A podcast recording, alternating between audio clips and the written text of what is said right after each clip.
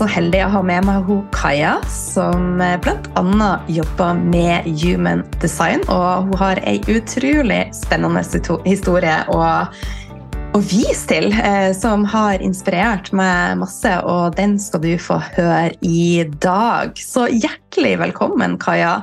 Så utrolig glad for å ha deg med her i dag. Tusen takk, og takk for at jeg får lov til å være her med deg i dag. Jeg er veldig takknemlig for det. Og takk til alle som lytter på her i dag. Det er veldig fint å ha dere med. Åh.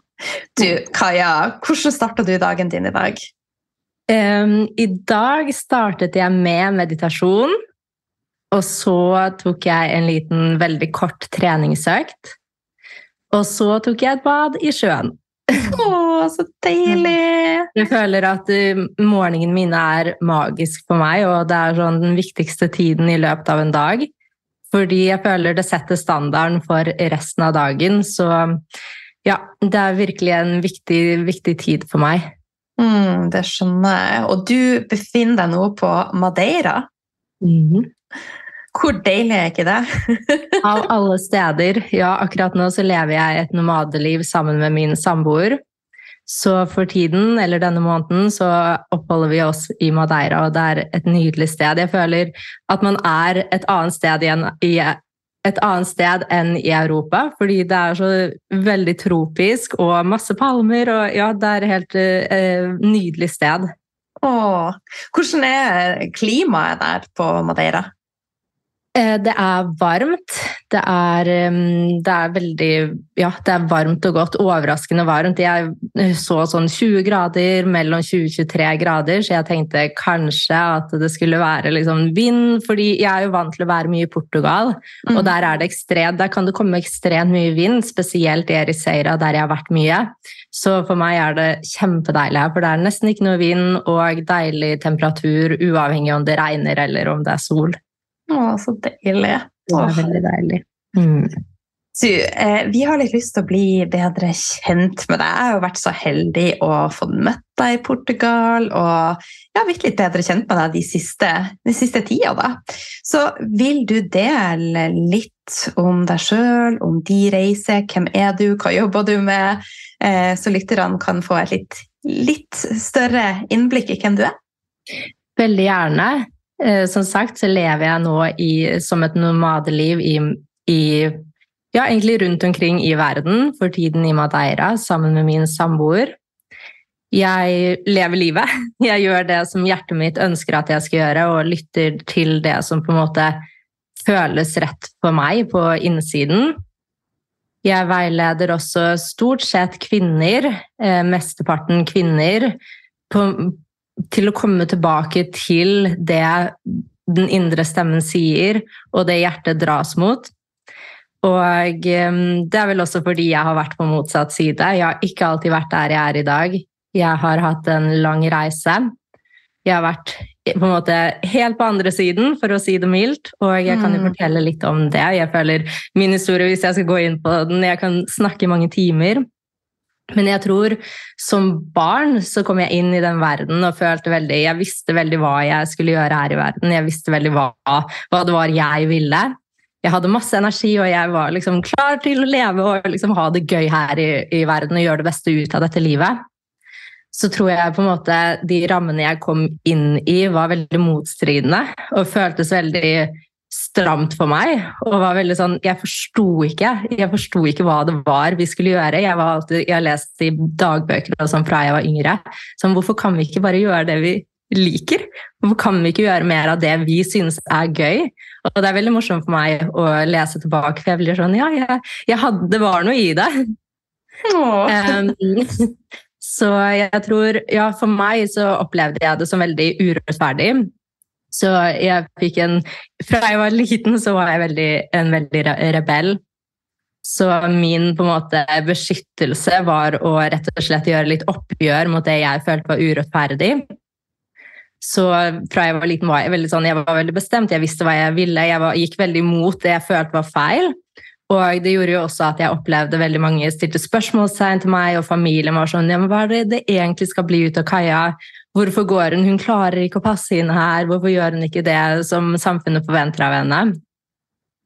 Så i mange år så levde jeg veldig den, den på en måte karakteren, vil jeg også si, men allikevel så var det veldig fint for meg, fordi jeg, jeg, jeg gjorde mer av det jeg ville. Jeg strittet litt imot, jeg gjorde jeg tilpasset meg ikke bare alle andre. Jeg var veldig tydelig i meg selv, men jeg ble jo også kalt for rebellen og ja, litt av hvert av familien og alt. Mm.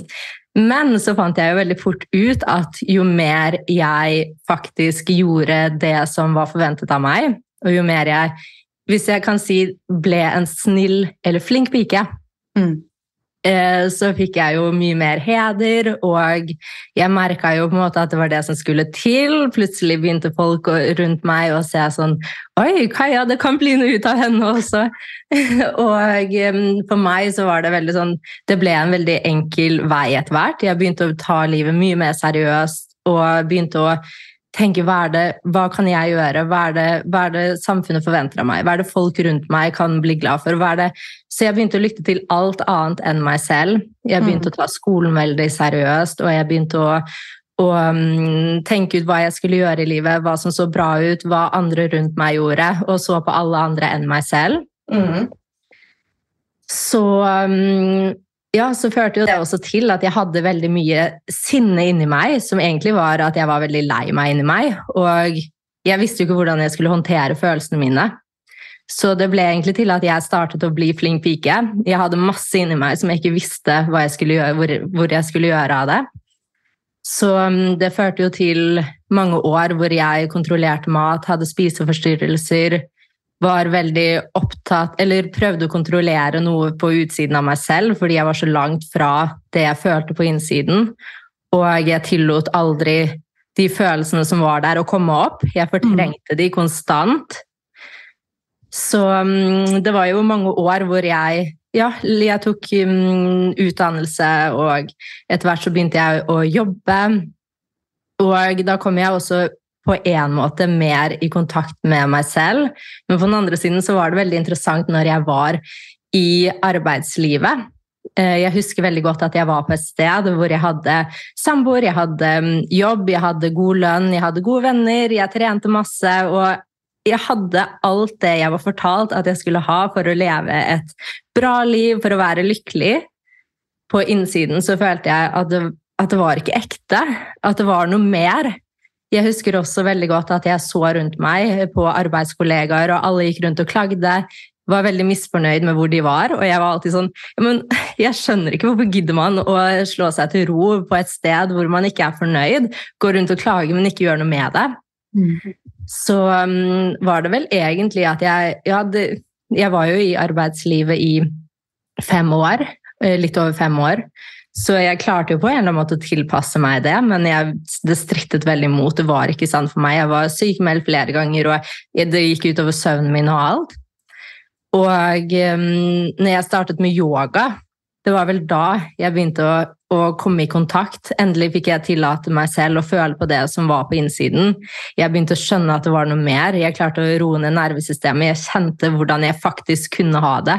Jeg kunne være rolig og tilkoblet, jeg kunne ha det bra med meg selv.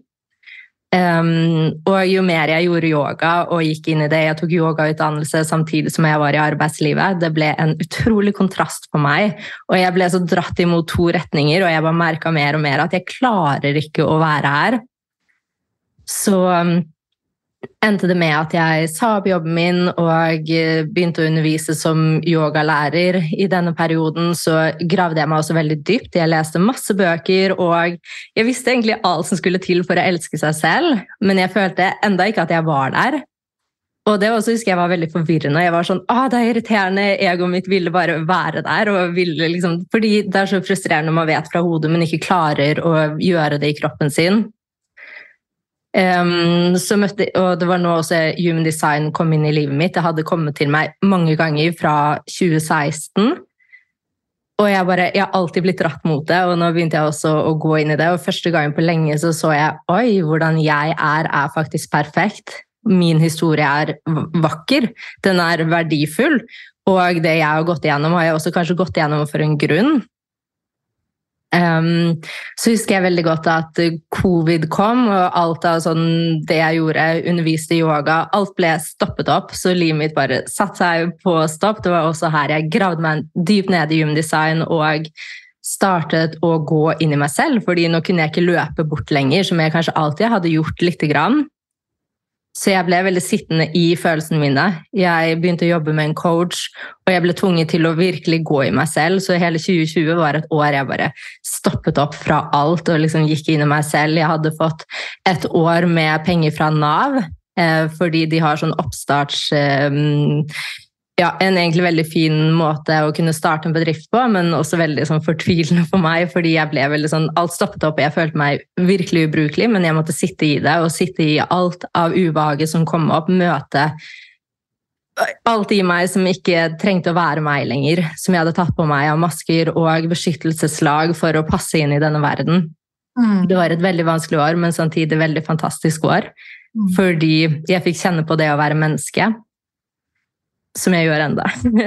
um, så ja, jeg føler det her er på en måte ja, en liten del av en lang historie.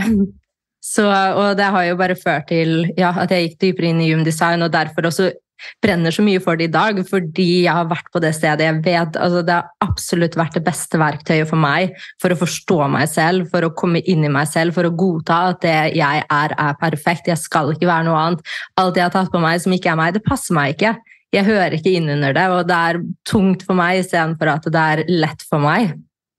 Mm. Tusen takk for at vi får et, et lite innblikk i de reiser.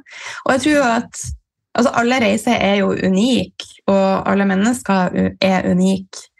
Eh, men jeg erfarer jo at det er jo så mange som opplever disse tingene, og føler at de rett og slett bare er på på feil sted i, i, livet, og at de kjenner at det er noe som, eh, som lugger, men likevel så klarer de ikke helt å, å bryte ut av dette. Og det er jo ofte for at vi har høye stressnivåer, vi har mye forventninger som er balla på oss, og programmeringer. Så hva, hva er dine beste tips da, til å, å klare å, å lytte de signalene som kommer fra systemet? Mm, jeg føler det her er et veldig godt spørsmål, og det er jo det. For jeg tror jo veldig mange, og meg inkludert, eh, både nå innimellom og veldig mye tidligere, levde veldig uten å være til stede. Mm. Jeg levde veldig på autopilot, jeg bare gjorde det samme, så jeg rakk aldri egentlig å stoppe opp og kjenne hva er det egentlig Hva er det kroppen min prøver å fortelle meg? Hva er det på en måte som stagnerer? Hvor er det det ikke stemmer?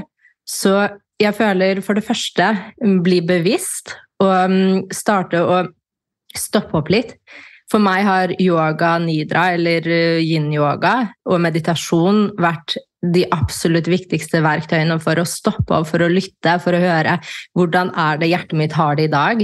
Hva er det hjertet mitt sier? Er det litt trist? Gjør det egentlig Følger hjertet mitt det som er ekte, eller følger jeg det som jeg tror er forventet av meg? Og man trenger ikke heller å handle på det, men jeg føler det handler om å starte å være nysgjerrig. Starte å på en måte være ærlig mot seg selv, først og fremst. Sånn, ja, jeg merker at det er noe som ikke stemmer her. Jeg vet at det her er på en måte hvordan det er nå, men det trenger ikke alltid å være sånn.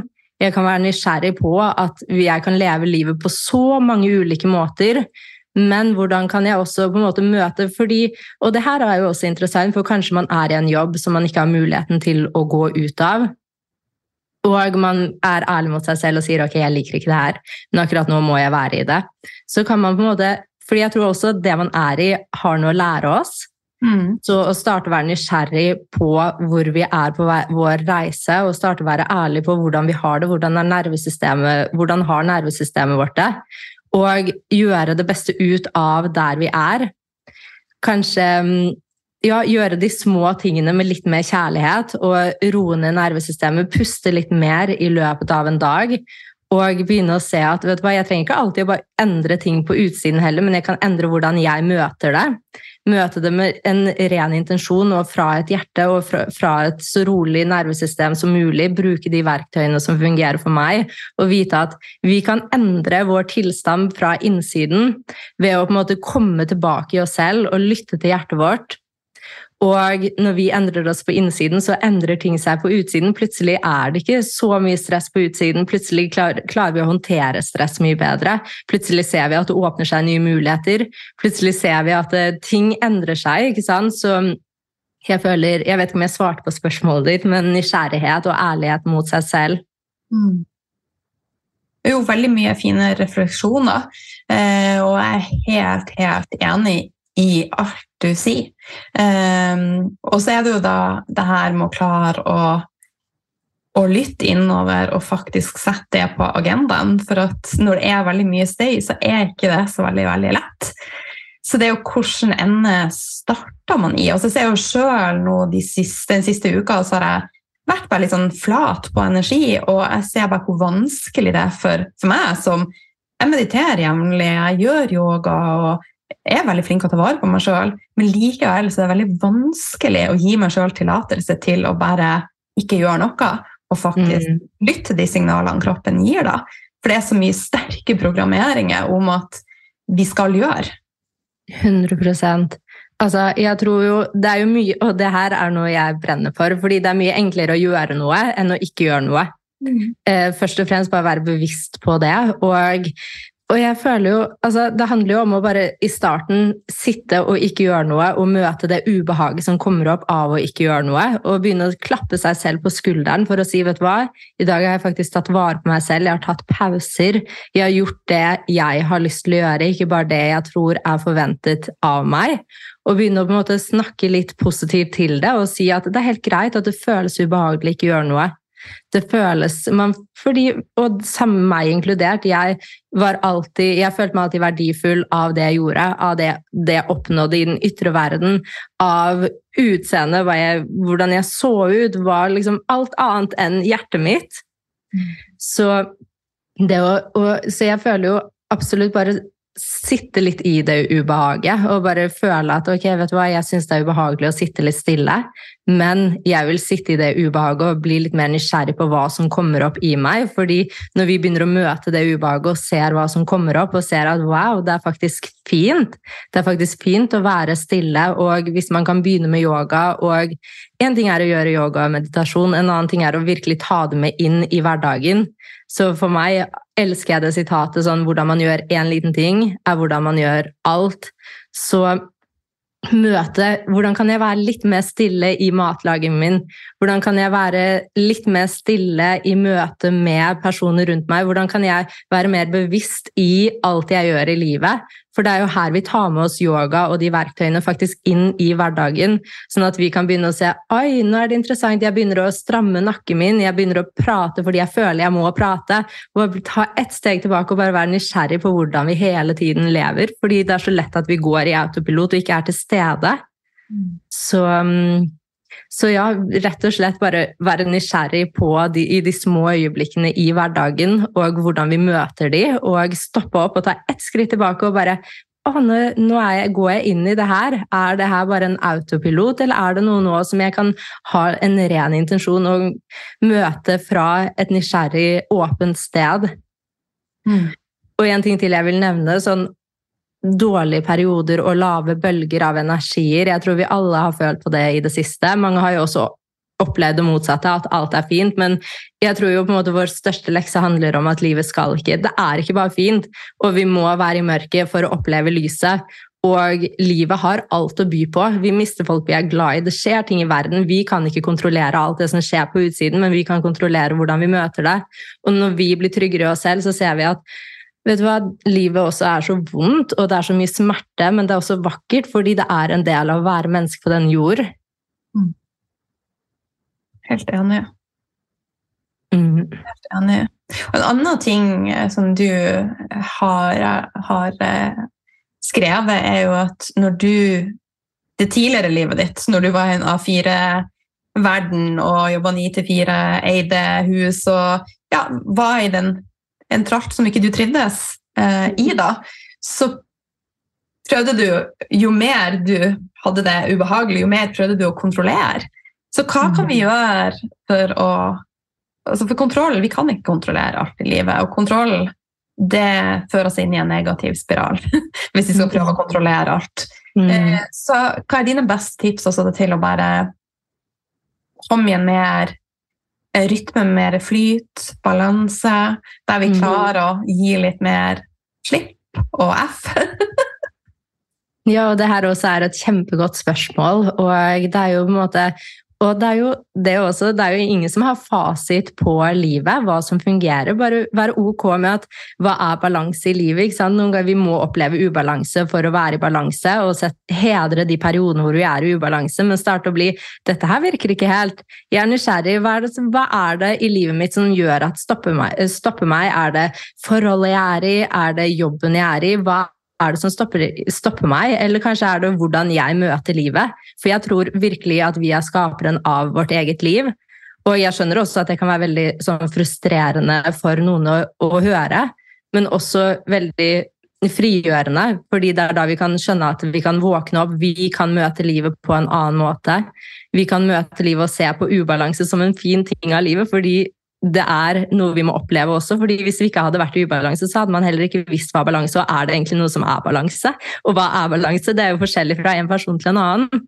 Og jeg tror jo livet altså, Det er ikke sånn at å, vi våkner opp og alt er perfekt. Livet støter oss med ting. Plutselig møter vi på Vi får barn. altså Jeg kan jo ikke si noe, for jeg har ikke barn, men jeg skjønner at altså, det også gjør jo endringer i livet, og man må møte livet på en helt annen måte. Men å starte å være nysgjerrig og bevisst på hvordan vi handler, og hvordan vi har det i de ulike situasjonene, og prioritere på en måte oss selv, så tror jeg også det er det som på en måte Human Design handler om. At sinnet vårt og tankene våre er ikke her for vårt eget liv. Og vi må forstå at tankene våre Vi er ikke våre tanker. Hvis vi tror vi er våre tanker, så stopper vi oss selv fra alt i livet. Og Human kommer jo inn og forklarer oss at kroppen vår er mye smartere enn våre tanker når det kommer til vårt eget liv og våre egne valg. Tankene våre er her til å gå utover, til å se menneskeheten, til å oppleve verden, til å være nysgjerrig på livet, til å forstå mennesker. Um, og, det, og, da handler det virkelig om å gå inn i kroppen og lytte og være ærlig og sitte med det ubehagelige. Sitte med, møte opp i situasjoner, og hver gang vi møter opp i ubehagelige situasjoner, vite at det her er ganger vi vokser. Fordi etter en skikkelig nedtur så tror jeg vi alle vet at det venter en opptur. Men må, vi må gjennom den for å forberede oss på hva som kommer på neste steg. Og etter en lav en lav periode hvor ubehagelige ting skjer, så føles det også veldig mye bedre når vi kommer over den kneiken og ser at oi, jeg klarer faktisk det. Og jo mer jeg står trygg i meg selv i de vanskelige periodene, så står jeg trygg i meg selv i alt livet har å by på. Mm. Så fint. Men du, eh, du har jo vært innom noe det med human design. Og I dag så jobber både du og samboeren din med Human Design, og du sa at du kom over Human Design i 2016, og at det ble et verktøy som, som åpna veldig mye dører for deg. Og i dag så bruker du det som et verktøy for å hjelpe andre til å rett og slett finne det som er der, deres vei, da. Så eh, du har kanskje fortalt hvordan du kom over Human Design, og hva det var som fascinerte deg. Fortalte du det? Jeg tror ikke egentlig jeg gjorde det. Jeg sa vel bare det du nevnte nå, at, kom, at, det kom til meg veldig mange ganger, og jeg var veldig sånn trukket mot det. Men da også var det sånn De første gangene det kom til meg, var jeg midt i en yogareise, og jeg var veldig sånn Å, jeg kan ikke gjøre alle ting på en gang, så jeg la det alt til siden. Um, og det var vel i 2020 jeg virkelig begynte å grave meg dypt inn i det, og brukte på en måte hele året til å, til å virkelig gå inn i det.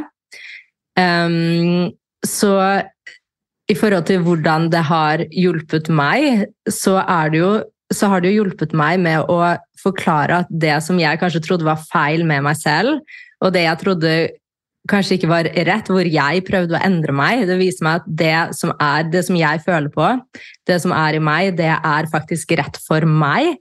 Og det er helt perfekt. Det har alltid vært helt perfekt. Det er bare at vi vokste inn i et samfunn som hedret hva vi oppnådde i den ytre verden, og hele tiden så på prestasjoner utenfor oss selv, og vi prøvde å passe inn i en ting som kanskje egentlig ikke passet vår, eh, vårt uttrykk her i verden. Eh, så Yum Design har hjulpet meg veldig til å, å, forstå at hva, jeg kan navigere mitt liv som det passer for meg. Og det er ingen quick fix, for det første. Det finnes ikke, og det er det jeg opplever. sånn, Jeg så alltid etter en quick fix, og veldig mange av oss jeg møter, vil ha en quick fix, men det finnes ikke. og Vi er på en konstant reise, vi er alltid under utvikling, og det er ikke et sted vi skal komme. Og liksom det å se på at livet er selve reisen, og hvis jeg kan være passasjer og sette, la hodet få lov til å være i passasjersetet og bare stole på at vet du hva, ja, hodet mitt prøver å kontrollere meg, jeg skal ikke tillate det å ta ansvaret for mitt liv, for jeg vet at hjertet mitt, kroppen min, dras mot det som er ekte for meg, hvis jeg faktisk tør å lene meg litt tilbake og stole på prosessen og stole på hvordan jeg er ment å ta valg, hvordan jeg er ment å tiltrekke meg muligheter. Mm. Men du, for de som eh, kanskje ikke er så kjent med human design, vil du forklare Jeg har hatt to episoder tidligere, men det, kan, det er alltid fint med ei oppdatering. Så hva er egentlig human design?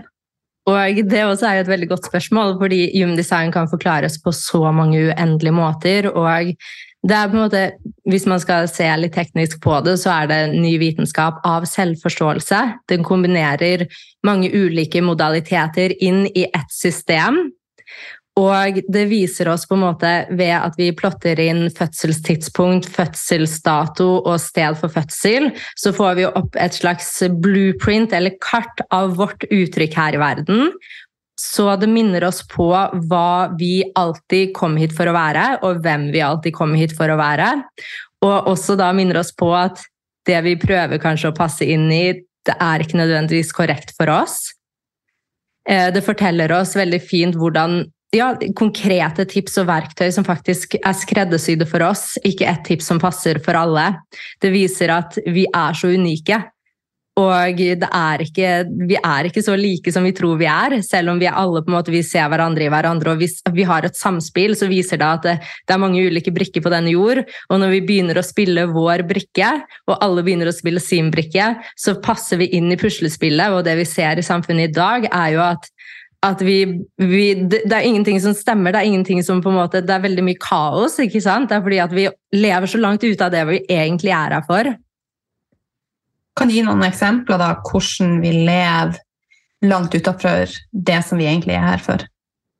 Jeg tror jo på en måte for det første, altså, Hvis man bare ser sånn på samfunnet vårt, da, hvordan, hvordan, veldig mange, og hvordan jeg erfarte tidligere å leve i en jobb, gjøre noe jeg trodde var eh, noe jeg trodde var forventet av meg. Og jeg tror at veldig mange kan, meg inkludert, føle at man gjør Istedenfor å sjekke med sin intensjon hvor hjertet vårt er, så kan vi veldig enkelt bli dratt inn og gjøre noe som samfunnet forventer av oss. Som drar oss ut av vårt eget hjerte og inn i ulike karakterer for å prøve å passe inn. Um, og jeg tror jo mer vi kan på en måte starte å se det, og at vi er utsatt for konstant kondisjonering fra samfunnet, jo mer kan vi se at wow, kanskje ikke det her passer til meg. Hvordan føler jeg meg her? Hvordan har hjertet mitt det her? Føles det ekte for meg? Føles det godt, eller føles det stramt og ubehagelig? Å vite at det er ikke noe vi gjør feil, det er ikke noe vi på en måte skal beskylde oss selv for, men begynne å bli nysgjerrige, sånn at vi kan, litt etter litt, ta et steg av gangen inn i det som føles ekte og godt for kroppen vår og for sjelen vår, som er her for en spesifikk oppgave, som, ikke, som føler seg stagnert hvis vi hele tiden jobber imot hjerte, hjertets ønske. Mm. Den prosessen, for din del, vil du si at han, det var a bumpy ride? Altså fra å gå der du var, hvor du begynte å kjenne at dette her er det noe som ikke stemmer, til du i dag lever relativt fritt, flyt med balanse og i tråd med hjertet ditt? Altså, For det første, det er en bumpy ride. Og jeg tror jo Og er, jeg er på noen som helst måte ikke liksom, Og vi lever jo ikke i, optimal, i, en optimal verden heller. Og jeg også er jo mange ganger ubalanse Og må minne meg selv på ok, greit, nå merker jeg at jeg ikke hedrer en emosjonell bølge som bare er en del av meg, fordi jeg har blitt fortalt fra jeg var liten at nei, kom igjen, opp og stå, du må være takknemlig for det du har, det er ikke, ikke føl på det, kom igjen, gå videre, ikke sant? Så det, å, for meg, det er en kjempelekse og fremdeles en stor lekse å hedre at vet du hva, nå er jeg, nå er jeg i dårlig humør men jeg er like verdifull uavhengig hva jeg føler, uavhengig hvor jeg er, og vite at jeg føler sånn, og det her er jo kanskje en stor trap når det kommer til den spirituelle verden, at vi tenker at vi må være på et visst sted, at vi må alltid føle indre ro, at vi alltid må på en måte være i balanse. Men det er jo livet altså Det er ikke noe som heter balanse, det er ikke noe perfekt. Livet er perfekt i det uperfekte, og hvor vi er i dag, er magisk når vi begynner å møte det med at vet du hva, nå merker jeg det her, og interessant, jeg er nysgjerrig, jeg er åpen til at det her er ubehagelig. og jeg jeg tror uansett hvor langt vi har kommet, hvis man skal si det, selv om ikke jeg er sånn superglad i å bruke det, for jeg føler vi er alle der vi skal være, og det er alltid noe å lære der, så tror jeg at vi vil alltid oppleve ubehag og virkelig sånn ah, mye i kroppen vår når vi er på vei til neste steg, fordi at vi er i konstant utvikling, og utvikling er ubehagelig. Men utvikling og det ubehagelige er en del av livet, og ikke noe farlig. Mm. Og så må man jo spørre seg da, hva er mest ubehagelig? Å være på et sted man ikke er lykkelig og føle at alt bare skurrer, kontra å være i, i vekst, utvikling og kjenne på, på de følelsene som faktisk livet byr på. Ja, og jeg elsker det du sier, fordi det er akkurat det. Sånn, vil jeg være her? Ja, kanskje fordi man tenker ofte at her tjener jeg mye penger, man har alltid en sånn historie på å bli der. Men er de pengene verdt noe hvis man ikke har det bra med seg selv, hvis ikke man lytter til hjertet sitt og går imot det man egentlig er her for? Vi lever på den jordkloden her og nå. Vi aner ikke hvor lang tid vi vil være her. Det er i dag som gjelder, og det er fint når vi begynner å møte det med mer nysgjerrighet og åpenhet. Mm, helt enig. Men du, vil du si litt mer om hvordan i praksis man kan bruke human design som et verktøy i hverdagen? Ja, altså human design er jo en veldig god påminnelse. Kanskje man merker at man er veldig i ubalanse, og merker at vet du hva, jeg er jeg merker at det er noe som stopper opp i kroppen min. Jeg merker at jeg på en måte ikke er helt det som føles naturlig for meg. Hvordan er det human design kan komme inn og fortelle meg det her er fint for meg, det her er hvordan det skal være, du er perfekt sånn du er, og det var aldri noe annet enn ditt uttrykk. Det gir oss også på en måte konkrete råd og verktøy for hvordan vi best kan ta valg, og livet er jo konstant valg. Og når vi begynner å ta valg etter hva som faktisk er rett for oss og vår natur, og gi slipp på tankene våre. fordi med en gang vi prøver å bruke tankene våre på å ta valg, så stopper vi oss selv fra det som faktisk er rett for oss. Fordi hodet vårt Og det er jo helt naturlig, ikke sant? fordi hodet vårt har alltid tatt valg på det logiske, det som gir mening. Det er jo det vi, de fleste av oss har vært vant til, eh, vokst opp med, at vi skal ta valg basert på det som gir, logikk, det vi kan forklare det som gir mening for de rundt oss, det som gir mening for oss selv, men begynne å stole på at hva, kroppen vår har en indre stemme som aldri guider oss på rett spor. Hele jobben vår handler om å la tankene få lov til å gi slipp på den prosessen, sånn at tankene våre kan brukes til så mye mer. De kan brukes utover. De kan brukes til å virkelig se verden, til å se hva som foregår, til å forstå fra et høyere perspektiv så er kroppen fri til å kunne bli dratt mot de retningene vi faktisk er ment til å være. Og det samme gjelder hva slags muligheter, og ikke bare ta en mulighet fordi det her er en måte for meg å bli sett på, men det her er en måte for meg som er riktig i forhold til min intensjon. Det, det føles godt for hjertet mitt. Um, en annen ting som det hjelper, har hjulpet meg veldig med, er at um, f.eks. hvis jeg er veldig i ubalanse, og minner meg på at for meg så er struktur, disiplin og rutiner noe av det beste jeg kan gi til meg selv. Det er selvkjærlighet for meg. Det er noe jeg er helt avhengig av, fordi hele kroppen min blir stresset uten det. Men for en annen så er det kanskje helt motsatt. Å go with the flow og virkelig hedre sine bølger av hvor man er og hva man vil gjøre. Mm, så bare å minne oss på hva som er korrekt med oss, og det er korrekt, og det, man, man bare kjenner det i kroppen. Um, og en ting til er relasjoner, fordi og det er jo sånn meg og min samboer også, vi hadde ofte konflikter, og vi forsto hverandre ikke. Vi antar ofte at den andre personen er mer lik oss enn det som er tilfellet. Så det å hedre at oi, vi er så ulike, vi tenker så ulikt, vi opererer i denne verden på så ulike måter, og det hjelper oss til å forstå at å, det, nå forstår jeg den personen. Har, den har en helt annen energi enn meg, den har et helt annet uttrykk i meg. Jeg forstår deg. Jeg tillater deg å være deg selv, og så tillater jeg meg selv å være meg selv. Så spennende! Så det du sier, er at eh, par burde gå og få, eh, få litt veiledning i human design. og igjen, hvis det føles riktig for deg, og det er jo det også Human design, det er ikke nødvendigvis at det er her for alle heller, men igjen, bare sjekke inn med seg selv. sånn, er det her, Føles riktig mot meg? Er det noe der som snakker til meg? Ja, men da skal jeg stole på den, den stemmen i meg som trekker meg mot det, og ja, gå og gjøre det. Um, og så tror jeg også, fordi Det minner oss på at det er ingen enn deg som er autoritet over deg. Og Det også er jo helt motsatt av det vi er vant til å høre. fordi vi har hørt at ja, men har vi det, så må vi gå til den personen. Har vi det, så må vi gå til den personen. Kanskje den kan sette en diagnose på oss. Kanskje den kan vite hva vi skal gjøre. Men så ser Human Design at det er ingen andre enn oss selv som har autoritet over oss selv. Det er ingen andre utenfor oss selv som vet bedre enn oss. Andre rundt oss kan veilede oss, minne oss på den kraften vi har inni inni oss, og de svarene vi har inn på innsiden. Mm. Og det er så viktig, for at med en gang vi tenker at noen andre skal fikse oss, så gir vi jo krafta vår ifra oss. Så det er Ja, jeg ser eksempler på det også. Altså, eh, jeg kjører jo jevnlig kurs. Folk melder seg på kurs, og så tenkte jeg at nå er kurset over, nå skal jo livet mitt være annerledes. Og så Du har ikke klart å fikse det ennå.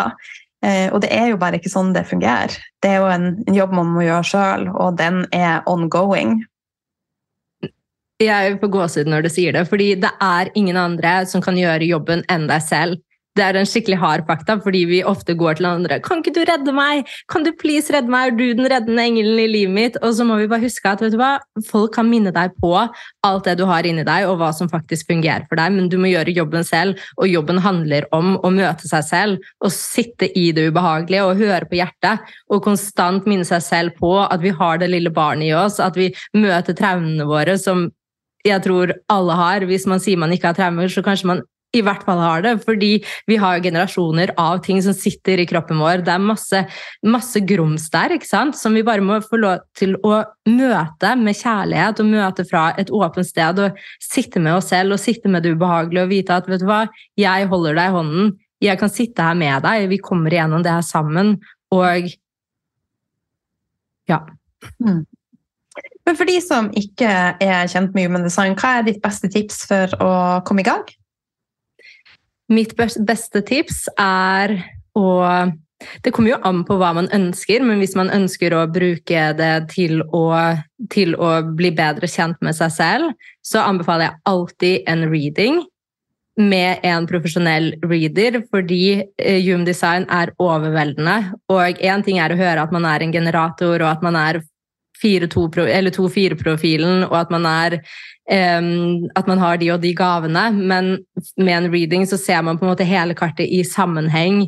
Og det er ikke sånn at å, fordi du er en generator eller manifesting generator, så skal du gjøre det på den og den måten, men man ser at ja, men den henger sammen med det, og det gjør at du kan gjøre sånn, og det, det blir sett i sammenheng istedenfor en at man tror det, og så, man, og så kan man egentlig bli mer forvirret. Og det også er noe jeg har lyst til å bare nevne, at gymdesign òg er et kjempefint verktøy, men det er ikke noe vi skal prøve å leve etter. Fordi vi har alt på innsiden, og noen ganger så kan det være fint å bare ta en pause fra alt og vite at hva, vi er vårt eget uttrykk. Vi trenger i utgangspunktet ikke human design, men det kan være veldig fint til å bare minne oss på at det her er vårt uttrykk, og det er perfekt som det er, men ikke prøve å, le prøve å leve våre gaver, men vite at når vi tar valg som er korrekt med oss, når vi tiltrekker oss de rette mulighetene, så naturlig lever vi jo ut våre gaver. Så jeg tror jo også sånn, ja, i utgangspunktet at vi kan overkomplisere og gjøre det så enkelt som mulig for seg selv og gjøre det som føles godt for, for hjertet, fordi det viser deg aldri gal vei. Mm. Og det, et eh, godt eksempel er jo altså mitt kart, hvis jeg leser det nå og ser mm. tilbake i tid, Jeg visste jo ikke om human design, men alt i kartet stemmer jo. Mm. Eh, altså fra 0 til 30, ganske røffe år. 30 til 50, blomster opp. Eh, og så fra 50 skal jeg bare være gudinne! du er en gudinne? Ja, ja, men skal vi enda større gudinne? men det stemmer jo. Dette var jo bare grove trekk. Og også ja, alt som jeg leser nå, og som har hatt reading med deg, sånn, det stemmer jo veldig fint. Og det er et veldig fint verktøy for å forstå hvorfor man gjør som man gjør, og hvorfor man føler som man gjør. Og ja, det... Ja, og en aksept på at vet du hva, jeg skjønner det jeg har gått igjennom. Og også hvis man, og det tenker jeg også sånn, for det første hvis noen sitter og hører på det her som er på et veldig sånn trist sted og føler seg langt nede, bare vite at det også kan være vak et vakkert sted, og det er så mye dybde i det tunge i livet. Og vite at hvor mye kunst, hvor mye kjærlighet har ikke kommet fra et sted hvor vi er melankol melankoliske og eh, langt nede, og på en måte ja, ikke kjent den den skikkelig kjærligheten til livet, men når vi kan begynne å være nysgjerrig på det og se hva slags kraft det er i det, og vite at alt er midlertidig, det er ingenting som er konstant, og vi kan Det kan endre seg, det kan endre seg i morgen, ting kan endre seg, og bare være nysgjerrig på hvordan, hva er det som fungerer for meg, hva er det som ikke fungerer for meg, og Humdesign kan være et veldig fint verktøy til å på en måte Å, det her, ja, men det her har jeg alltid følt, og det her har jeg alltid tenkt. Ja, men da skjønner jeg. Jeg forstår det. Jeg aksepterer hva som har vært, og hva som er. Mm. Du, nå har vi jo prata en del om human design. Er det noe som du kjenner at jeg ikke har spurt deg om, som du tenker er viktig innenfor human design, som du har lyst til å, å dra frem? Eller har du fått uh, vært innom det som er viktig? jeg føler at vi har snakket om måte det viktigste. Og når det kommer til ja, jeg føler sånn Jeg får aldri sagt det nok at um, perioder hvor Og jeg tror spesielt i den perioden nå, liksom den måneden vi er i nå, det har vært mye, og jeg tror vi begynner å se ting, og vi begynner å se sannheten, og vi begynner å spørre litt mer spørsmålstegn, og vi begynner å bli litt mer nysgjerrig på livet og vite at vet du hva, alle følelser er greit, og sinne er en fin, vakker del av å være menneske. Jeg kan være sint, men jeg henger meg ikke opp i en historie på hvorfor jeg er sint. Jeg tillater sinne å komme opp, jeg tillater meg selv og om det er å skrike eller gråte eller få liksom, Følelser er fine, og det er ikke noe galt med det, men vi har vokst opp i en verden som på en måte har undertrykt det en del av menneskets natur å hedre syklusen av våre liv, og det er jo noe du også jobber veldig mye med. Og begynne å forstå at jeg er en kvinne, jeg har sykluser, jeg skal ikke jeg, Hvem er det som egentlig har fortalt meg ting? Hvorfor skal jeg være på denne jobben fra åtte til fire når det ikke føles rett for, for, min, for mitt system? Og å vite at alt er greit, og det eneste Det er ingenting som er et problem hvis ikke vi lager det til et problem fra hodet vårt.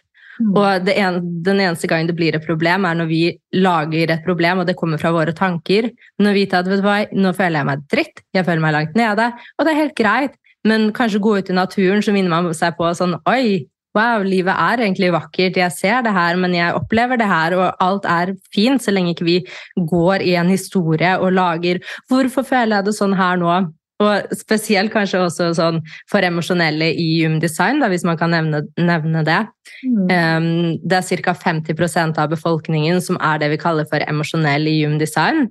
Og når vi er emosjonelle i Human Design, så vil det si at vi har bølger av emosjoner som vi ikke har noe kontroll på. Og det kan være veldig frustrerende, spesielt hvis vi prøver å lineært være på et sted hvor vi aldri, hvor vi på en måte bare er glade. Mm. Og kanskje hedrer de glade bølgene mer enn de, de, bølgene som er lave. Og bare begynne å se sånn Å, nå er jeg på en dårlig bølge, men det betyr ikke at jeg har noe dårligere verdi. Min verdi er der uavhengig hvordan jeg føler meg, hvor jeg er på min bølge. Og vite at de bølgene er på en måte De kommer og går. Og jeg får lov, det gir bare farger av livet. Det gjør at jeg kan kjenne fargespillet av det å være menneske. Fordi hvor kjedelig hadde det ikke vært hvis alt hadde vært her oppe? Mm. Helt enig. Mm. Takk, kjære deg. Eh, aller siste spørsmål. Hva gjør du for å være den beste versjonen av deg?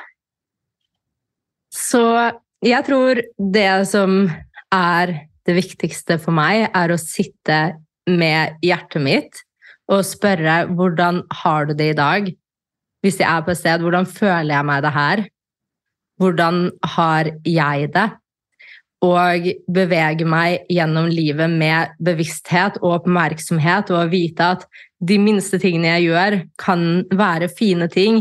Når jeg skal henge opp eller henge opp vasken, så går jeg inn med dem istedenfor å kjappe meg gjennom det, som jeg gjorde alltid tidligere. Jeg kjappet meg gjennom livet. Bare vite at vet du hva, jeg kan gjøre det her til en fantastisk opplevelse ved at jeg er til stede. Kanskje jeg har noe fin musikk i bakgrunnen.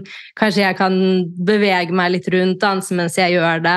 det er, måte, for meg så handler det om veldig sånn Fordi hverdagen er jo det vi møter. Selv om det høres fint ut at jeg er på et nomadliv og i Madeira og sånn, så er det sånn Ja, men jeg møter hverdagen uavhengig om jeg er i Norge konstant eller om jeg er ute og reiser. Og hverdagen er hvor vi kan endre livet vårt. Fordi én ting er å komme på en retreat, og alt er fint og alt er bra, ikke sant? men hvordan kan vi ta med oss de tingene fra retreaten og gjøre mm, livet om til ritualer, hvor vi møter det med kjærlighet, åpenhet og nysgjerrighet istedenfor å skulle kjappe oss igjennom ting. Fordi det er sånn de små tingene kan være vakre hvis vi gjør det vakkert. Mm. Åh, jeg elsker deg. jeg elsker deg. Men ja. Mm, jeg er helt enig, og jeg er blitt veldig mye flinkere. Og ja, kose meg med den ene koppen med kaffe jeg drikker, og ja, de små tingene som er så utrolig viktige. Ja, og også de gangene man merker at man gjør noe helt at man, Kanskje jeg er Jeg har jo brukt mat som et verktøy på å liksom lindre følelser. Og noen ganger så spiser jeg selv om jeg ikke er sulten. Og da ikke dømme seg selv, fordi da gjør man hele situasjonen verre. Men å si sånn OK, jeg ser at du er egentlig ikke sulten. Hvorfor tar du det her nå?' Men det går også fint, ikke sant? Å bare snakke, snakke til oss selv de stedene vi ikke oppfører oss perfekt i gåseøynene, Og lytte inn og si 'Vet du hva, det går fint. Du er bare et menneske. Du navigerer deg gjennom dette livet på best mulig måte. Og ja, det er greit. Mm. Mm. Tusen takk som, eh, som deler så fint. Mm. Veldig, veldig ærlig. Eh, hvor kan lytterne treffe deg? Så jeg har en Instagram-konto, Kaja Foyin. At Kaja Foyin. Eh, jeg har også en nettside, kajafoyin.com. Jeg har også en Instagram-konto med min samboer, hvor vi deler både gymdesign og livet vårt generelt. Vi er også på en reise, konstant under utvikling, møter på utfordringer som par gjør. Um, og deler ganske åpent om det og kommer til å dele mer. Um, Og så har vi en podkast som handler om human design. Den heter Human Design med Torbjørn og Kaja, som du kan lytte til på Spotify. Åh, tusen, tusen takk for uh, tida di, og så hyggelig å ha deg med fra Madeira! takk skal du ha, og tusen hjertelig takk for at jeg fikk komme her med deg. Jeg elsker deg og det du holder på med. Og ja, du er virkelig et forbilde og en god rollemodell. Jeg er så takknemlig for at jeg har fått møtt deg og møtte deg i Portugal, og jeg gleder meg til å se deg fremover også. Og tusen takk til alle som har giddet å lytte på denne episoden. Takk, kjære deg.